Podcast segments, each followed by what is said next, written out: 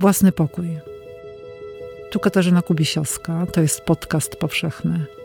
Zapraszam na cykl rozmów o tym, jak w kobiecie tworzy się i umacnia niezależność. Moją rozmówczynią będzie dziś Beata Stankiewicz. Jako dziecko byłam otoczona starymi kobietami i wiesz, i ja do dzisiaj tęsknię za starymi kobietami, bo dla mnie y, to jest mądrość i to jest taka mądrość, mm, taka jakiej ja potrzebuję, taka przekazana ustnie, jak kobieta kobiecie. Może być przy lepieniu pierogów.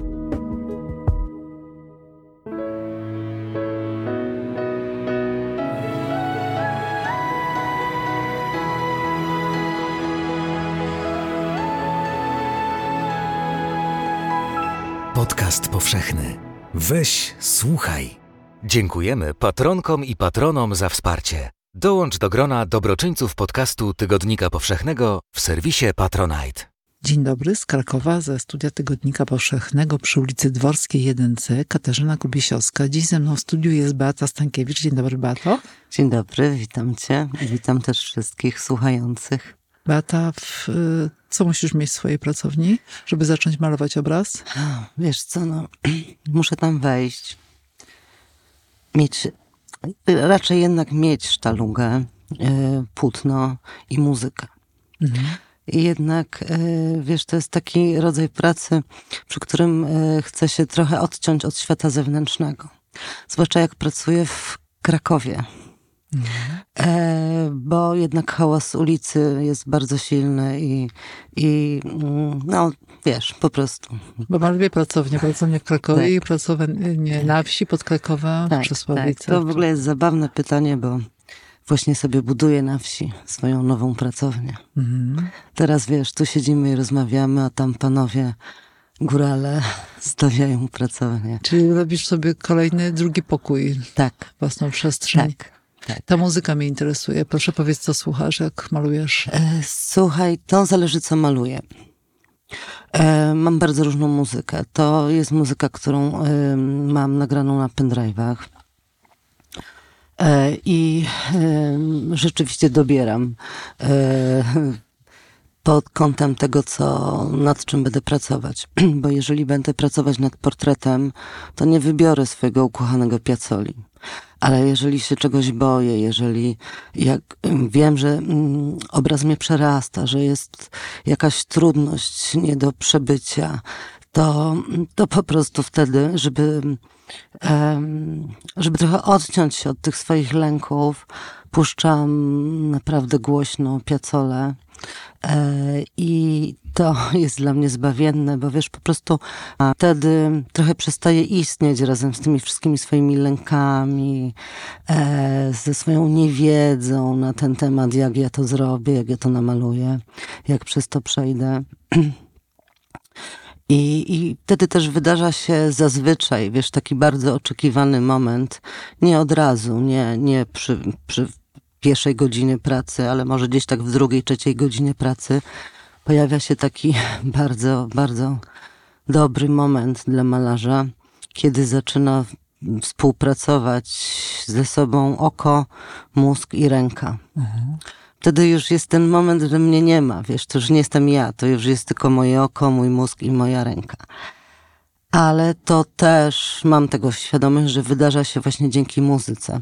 Wiesz, czasem się na przykład łapię na tym, e, że moja ręka pracuje do muzyki. Aha. Wiesz, ten łapie rytm po prostu, wiesz, nie ma już mnie, ale jest ten rytm, jest muzyka, jestem tak, wiesz, cała w tej muzyce. E, I to, to mi bardzo pomaga. Tęsknię zresztą, wiesz, za takimi momentami teraz od dłuższego czasu, ponieważ mam akurat dość dużo wystaw no to powiedzmy, że od dwóch tygodni nic nie namalowałam. To jest okropny, wiesz, to, to mhm. znaczy, że bardzo dawno nie malowałam, bo dla mnie dwa tygodnie bez, bez pracy w pracowni to już jest dużo. To jest... Y, tak, już, mhm. już tęsknię, wiesz, już bym weszła. No, a ty zaczynasz pracę o której? Tak dzień w dzień, od poniedziałku do piątku, od poniedziałku do poniedziałku, od świtu do świtu, od świtu do nocy, jak to wygląda? Um, powiem ci, co najbardziej lubię. ale to nie jest tak, że zawsze mi się to udaje. E, lubię mieć taki bardzo prosty, powtarzający się schemat e, dnia i życia. E, czyli od poniedziałku do piątku maluję, w soboty sprzątam, a w niedzielę nic nie robię. Mhm. Tak się zdarza? E, tak, zdarza się. Mhm. Pod warunkiem właśnie, że nie jest, to taki czas e, burzliwy, że są wyjazdy, że jest przemieszczanie się, że, że właśnie są jakieś wystawy. E, wiesz, no, to jest też tak, że w tej chwili żyję na dwa domy tam do dzisiaj czuję się jak na wakacjach. Nawet się zastanawiam, czy ja tam jestem w stanie pracować. E, no bo wiesz, do tej pory to był taki dom letniskowy. Zresztą oczywiście wiesz, bo go znasz. Mm. Byłeś tam nieraz. Mm. I, i, e, i takie miejsce, w którym się odpoczywa, bawi i je, e, ale nie pracuje. No, ale teraz powstaje mm, pracownia. Tak. Wiesz co, tak naprawdę ze swojej starej sypialenki od tych dwóch lat mam pracownię. Mm, tyle tylko, że mm, mój mąż potrzebuje gabinetu, mhm. więc wymyśliliśmy, że okej, okay, on e, przeniesie się do mojej pracowni, e, czyli kiedyś sypialenki e, i będzie tam, e, urządzi sobie tam gabinet, a ja po prostu wybuduję sobie, przyklejony oczywiście do domu, bliżej kuchni i łazienki, ale taki, no taką dobudówkę, taką długą kiszkę 3 na 7 mhm. e, która będzie moją pracownią. Ja wiesz, po prostu dużo lepiej czuję się pracując przy dziennym świetle z wielu powodów. Po pierwsze, dlatego, że takie dzienne światło jest naturalne, jakoś bardziej optymistyczne. E, po drugie, dlatego, że e, prawie przekroczyłam pięćdziesiątkę i mam już dwie pary okularów, które, których się dorobiłam.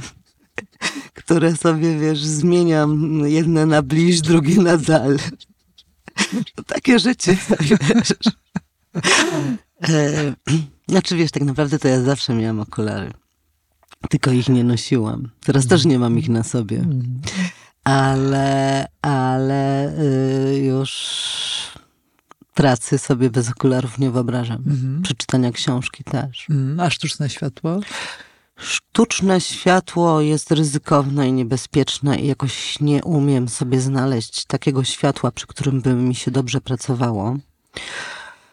E, I wiesz, jak przy, się maluje przy zwykłej żółtej żarówce, zwykłym świetle, no to obraz wygląda świetnie, tyle tylko, że jak potem trafi do muzeum, to już nie wygląda świetnie, bo w muzeum jest zupełnie inny rodzaj światła, białe, atakujące, mocne światło, które bardzo wypłaszcza obrazy i wszystkie błędy pokazuje, mhm. których nie widzisz i nie czujesz przy zwykłej żarówce i przy słabych okularach. Wiesz, no.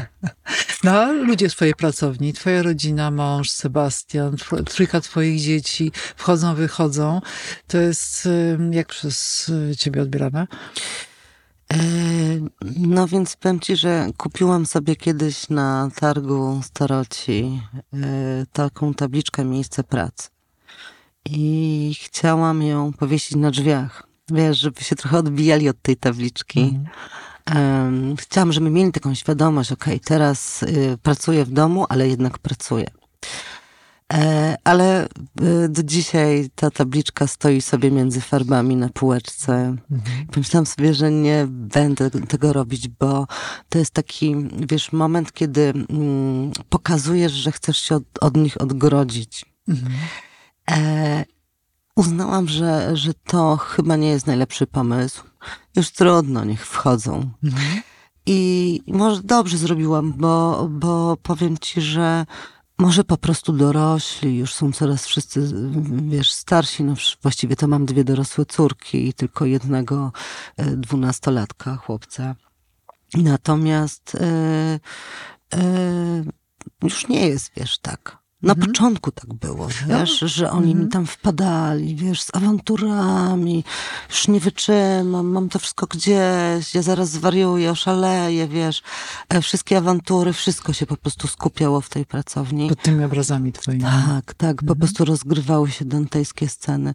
Teraz e, jakoś spuścili z tonu wszyscy. No bo wydorośleli, są starsi. tak, No tak. ale jednak to y, y, życie y, rodzinne i życie artystyczne to zawsze rodzi pewne napięcie.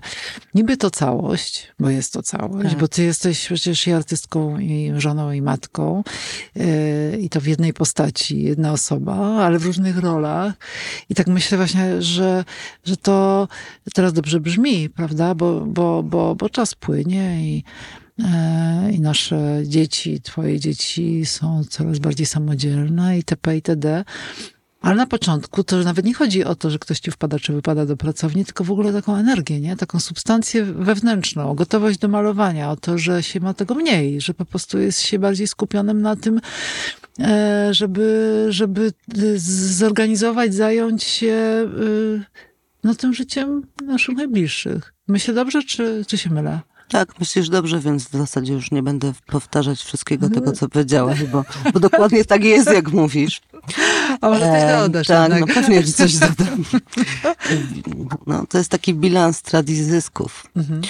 E, to znaczy i ja mam straty i zyski, i moje dzieci też mają straty i zyski. Z tego powodu, że mają mamusię malarkę. E, dla mnie, może to trochę pompatycznie brzmi, a może nie, nie wiem, ale e, nauczyłam się człowieczeństwa poprzez macierzyństwo. Mhm. E, I to była trudna droga. Jak mówi moja przyjaciółka Kasia Zielińska, którą też znasz, Mhm. mówi o mnie tak, bo wiesz, ty masz krótki ląd. Ja nie mam cierpliwości, kompletnie. Więc dla mnie, e, dla mnie macierzyństwo to była naprawdę wielka szkoła cierpliwości. Mhm. Na ten temat najwięcej to by powiedziała moja pierwsza córka, Alicja. I, I też jakby odkryłam mm, taką logikę, boską logikę. E, jak się modliłam, Panie Boże, daj mi cierpliwość, to mi się wydawało, że mi Pan Bóg da cierpliwość. A On mi dał dziecko, które wymaga szczególnej cierpliwości. Mhm. I, I ta logika, do której doszłam mając 50 lat, trochę późno, że to tak działa, że jak czegoś chcesz, to dostajesz po prostu przedmiot. Przedmiot, czyli tego człowieka, na którym będziesz ćwiczyć swoją cierpliwość. No tak działa logika Boga. No i tak też się stało w naszym przypadku. E, I to prawda, wiesz, że, że w tej chwili trochę inaczej żyjemy, ponieważ mamy dwie dorosłe córki, które zostały na studiach w Krakowie. My siedzimy na wsi z naszym dwunastolatkiem, który jest w nauczaniu domowym. E, to też nam pozwala siedzieć na wsi. E, mój mąż, który wykłada, ale wykłada online do dzisiaj i bardzo sobie to ceni. No to są takie rzeczy, które pozwoliły nam zostać nadal na wsi w lesie. Siedzieć i, i, i tam pracować. E, no. Mówiłaś wcześniej o, o trudnych obrazach, o, o, tych, o trudzie w, w jakimś temacie. I myślę sobie, że muzyka cię jakoś tutaj rozbraja, prawda? Z tego trudu, z tych, z tych myśli, z tego lęku, z, Tak. od, z lęku przed. No chyba, że sobie nie poradzimy, nie? Że przed porażką, samą porażką, No no, jasne. porażka i tak. Ale zastanawiam się, jak, jak to było z, z obrazami, które, które w- w pewnym momencie zakupił Mocak, yy, czyli yy, o dziesięciu Żydów, którzy osławili Polskę. Czy to było dla ciebie trudne? No bo też jakoś w tle, tak myślę, tak sądzę, jest tych obrazów, jest jakaś też twoja rodzinna historia, prawda? Czy ona, czy ona miałaś, miałaś w ogóle w tyle głowy, jak to malowałaś? Tak, tak, jasne, oczywiście. Aha. Wiesz, to jest tak. Ja uwielbiam malować portrety. Bo wiesz, y, jakbyś mi powiedziała, nie wiem, 10-15 lat temu, że będę się zajmowała także portretami, to bym ci nie uwierzyła. Twarz w ogóle, wiesz, była poza moim zakresem zainteresowania. Pamiętam świetny to obraz. Drzewko Szczęścia, taki cykl, Tak. e, single, bardzo dalekie obrazy takich Tak. e, trochę podglądniętych ludzi w oknach, bez twarz, bez szczegółu. Jeżeli twarz, to bez szczegółu. Tak, tak. Aha. A tu nagle wiesz portret. W zasadzie portrety zaczęły się od tego, że trzeba było zrobić portret y, y, wnur, wnucząt babci. Tak się zaczęły te Czyli portrety. Alicji, Tak, Mai, Mai, Iwa. Iwa. Tak. Y, Natomiast no i Blanki. I Blanki, tak. Mhm. E, powiem ci tak. Uwielbiam malować portrety i kompletnie nie zdawałam sobie sprawy z tego. I naprawdę można ich tak podzielić. Na tych, których malowało mi się łatwo i przyjemnie i na tych, których malowało się strasznie. Czyli jak Bruno Schulz na przykład. Dokładnie. tak? Bruno Schulz, Ginczanka, Stern. On Mhm. przecież przeżył swoje rozstrzelanie. Przeżył cały dzień przecież pod ciałami. Yy, Mhm. e, zanim udało mu się uciec. E, Także to e, powiem ci, że nie zdawałam sobie sprawy z tego, że, mm, że po prostu moje ciało odmówi posłuszeństwa. Jaka Czyli zmawiała? takie, wiesz, psychofizyczne e, dolegliwości, ale do tego, wiesz, stopnia, że na przykład nie mogłam chodzić, albo nie mogłam podnieść ręki. I to wszystko mijało, ale po, dopiero po skończeniu płótna. E, wiesz, takie, że nie, nie mogłam spać w nocy, bo wszystko mnie bolało, nie mogłam się poruszać, więc siedziałam przed tymi płótnami.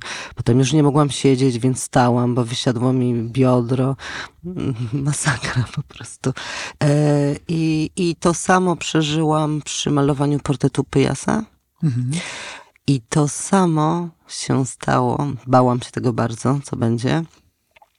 Może już nie aż tak z- mo- moje ciało zareagowało, ale na malowanie portretu Jezusa.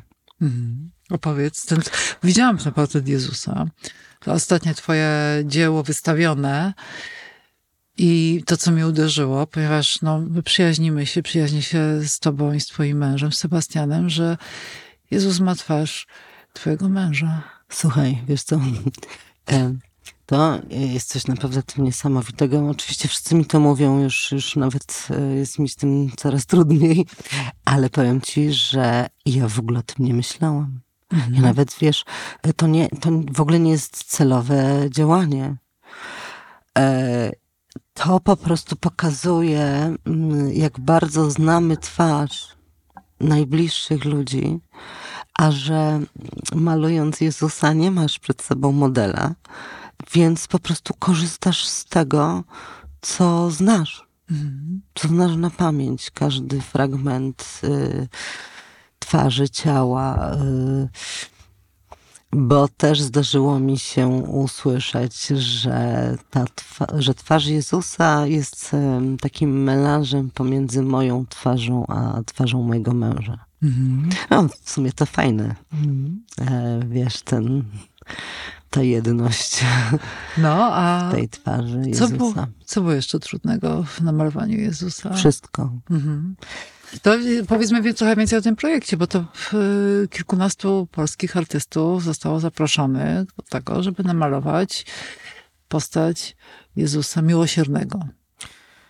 Tak. e, Sprawcą, pomysłodawcą, inicjatorem tego wydarzenia jest Dariusz Karłowicz, szef teologii politycznej Fundacji Świętego Mikołaja, wykładowca Uniwersytetu Papieskiego Angelikum w Rzymie. Genialny człowiek, naprawdę genialny. Zaprosił do współpracy nie tylko artystów, też, e, no, czyli zrobił konferencję, e, na której oni wszyscy, łącznie z biskupem Jackiem Grzybowskim, który jest wielkim umysłem, jest filozofem, filozofem zresztą tak jak Dariusz Karłowicz, bo to jest środowisko filozofów.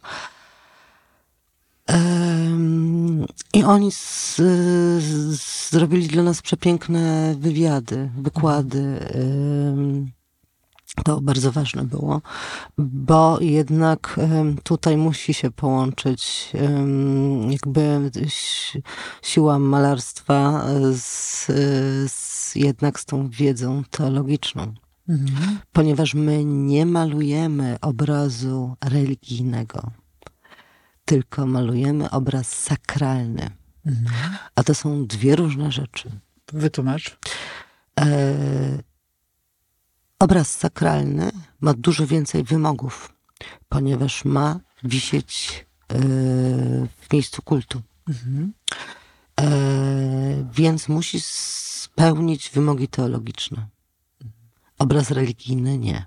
O te, obraz o tematyce religijnej nie musi. Aha. Też niedawno się dowiedziałam, że jest tak mocne rozróżnienie. No, ja wiesz co, ja rozmawiałam e, z e, Ajką i Majką, czyli Mhm. twoimi córkami e, ostatnio i mówiły mi na temat właśnie tego obrazu, że trzy miesiące ponad nad nim pracowałaś i że non stop o nim mówiłaś. Tak, tak, tak. One, y, wiesz, bo to jest po prostu tak, że ja jestem bardzo taka liniowa. Jak maluję obraz, to maluję tylko jeden obraz. Jak e, maluję ten jeden obraz, to myślę tylko o tym jednym obrazie. A jak myślę tylko o tym jednym obrazie, to rozmawiam tylko o tym jednym obrazie. E, no, prawda jest taka, że zamęczyłam te moje dzieci przez te trzy miesiące. One już miały dość. Mówi, mamo, proszę cię, już przestań. Już przestań mówić, mówisz tylko o Jezusie Miłosiernym. Ale to oczywiście dotyczy wszystkich innych obrazów również. Choć może, może jakby bardziej y, jednak tutaj rzeczywiście przeżywałam mm, tą sytuację. Jeszcze nigdy nie malowałam obrazu sakralnego. E, I tak sobie myślę, wiesz, że jednak malarz fajnie, fajnie tak przed śmiercią jako malarz namalować obraz sakralny, wiesz. Mhm. Jakbym tego nie zrobiła, to czegoś by mi było żal, brak, Mhm. wiesz. Mhm. Że to jest jednak tak, że malarz musi się takich tematów podjąć, wiesz. Mhm. No, a ten cykl, który ja uwielbiam, czyli stare e, twarze starszych Stare kobiet. kobiety są Tak, nieśmiertelne. Tak, Mm. w odniesieniu do oczywiście wiersza Tadeusza Różewicza. E, Opowiadania o starych kobietach. Tak. To skąd, jak, jak to się narodziło? No to tutaj dostałam od ciebie jeden, jeden z obrazów i kto wchodzi do mojego właśnie z tego cyklu i kto wchodzi do, do mojego e, domu, e, to mówi, o, twoja babcia, która dożyła 96 roku życia. No to nie jest moja babcia, natomiast pomyślałam sobie, tak, mówię, tak, to już jest moja babcia. No widzisz, miał, miałyśmy taki plan, pamiętasz, jak je malowałam, że sobie w, zrobimy w takiej aplikacji swoje twarze, postarzymy i ja też namaluję te Mhm. twarze. Może zrobię to w końcu kiedyś. A jeszcze miałam taki plan, e, nie wiem czy pamiętasz, Mhm. że Różewicza też przedstawię jako kobietę, Mhm. jako jedną z tych kobiet. Mhm. E, słuchaj. Bardzo bym chciała zobaczyć ten obraz y, Różewicz jako kobieta. Aha, tak, Aha. tak. E, wiesz co, ja po prostu kocham stare kobiety. Mhm. Więc to nie był żaden, wiesz, pomysł nadzwyczajny. E, czytałam e, Kłocza, książkę Kłoczowskim. I tam Kłoczowski opowiada o Różewiczu. I Mhm. opowiada o tym wierszu. Jest zacytowany fragment.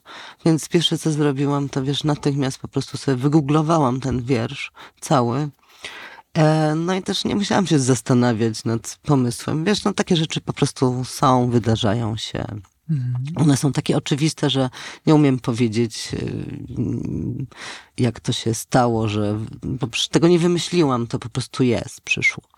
I, yy, ale rzeczywiście jako dziecko byłam otoczona starymi kobietami i wiesz, i ja do dzisiaj tęsknię za starymi kobietami, Mhm. bo dla mnie yy, to jest mądrość i to jest taka mądrość, mm, taka jakiej ja potrzebuję, taka przekazana ustnie, jak kobieta kobiecie. Może być przy lepieniu pierogów, wiesz. Ech, Te mądrości, y, y, które wypowiadają do mnie stare kobiety, to są mądrości, które e, z łatwością zapamiętuję do końca życia. Wiesz, ja nie muszę mm, tych mądrości sobie zapisywać. One się natychmiast zapisują na twardym dysku. No na przykład taka mądrość. Taka mądrość. Mhm. Miałam taką ciocię, która była też naszą rodzinną dentystką. Mhm. Więc e, wizyta u niej ko- e, kojarzyła się z bardzo mm, skrajnymi uczuciami. Ponieważ mm, ciocia nie używała środków znieczulających, ale bała mi w zębach i borowała w dziurach, to opowiadała mi o sobie i swoim życiu. Mhm. I mówiła mi, wiesz, ja mam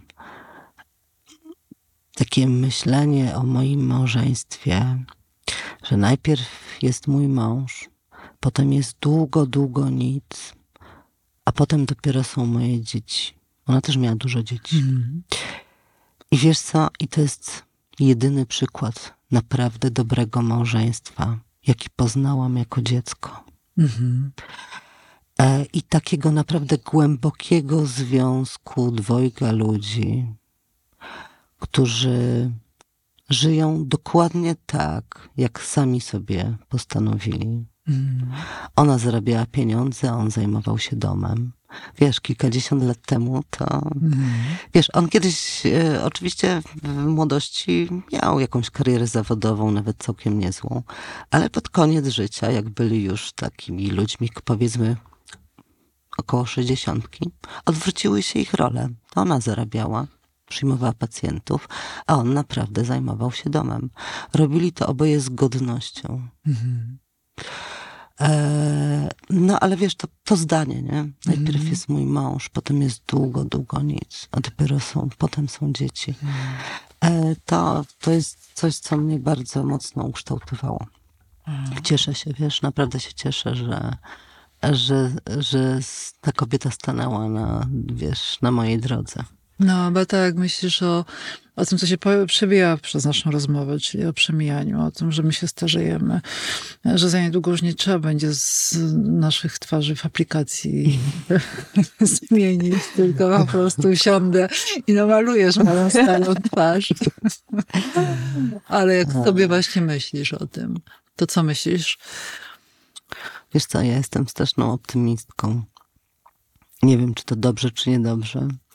E, to sobie myślę tak, że e, przede wszystkim, e, że ch chciałabym się jednak zestarzeć ze swoim mężem. I tak sobie myślę o tej naszej starości jako wspólnej starości. No, myślę sobie też, hmm, fajnie by było jednak jak najdłużej malować. Mhm. Tak sobie myślę o tej starości. Przy tym naturalnym świetle, bo nadaje ten optymizm. No, tak, właśnie. No, tylko, że nie wiem, co będzie, jak ten mój optymizm pryśnie. Zaczną się choroby, stracę wzrok, nie pomogą mi już cztery pary okularów. No, wiesz, po prostu będzie różnie. A jakbyś na koniec miała powiedzieć e, o takim momencie, sytuacji, kiedy ty się czujesz najbardziej wolną kobietą, to co ci przychodzi do głowy?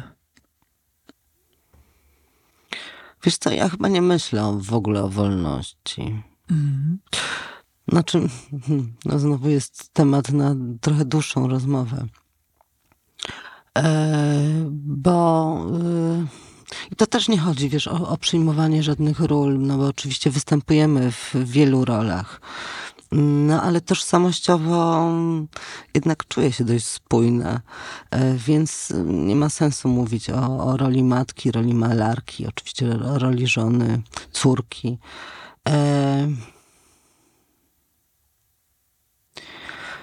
Powinnam powiedzieć, że najbardziej wolna się czuję w pracowni. Mhm. Ale nie wiem, czy, czy tak jest. Mhm. Za trudne pytania zadajesz. Mhm. Nie wiem, kiedy się czuję najbardziej wolna.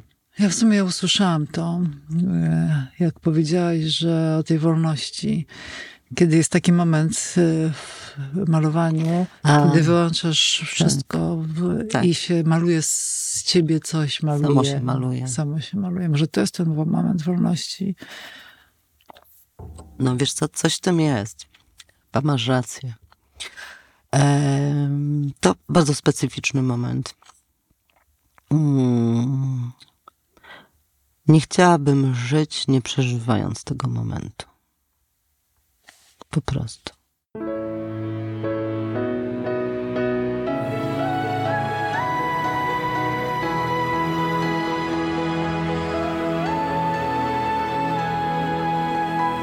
Podcast powszechny. Weź, słuchaj.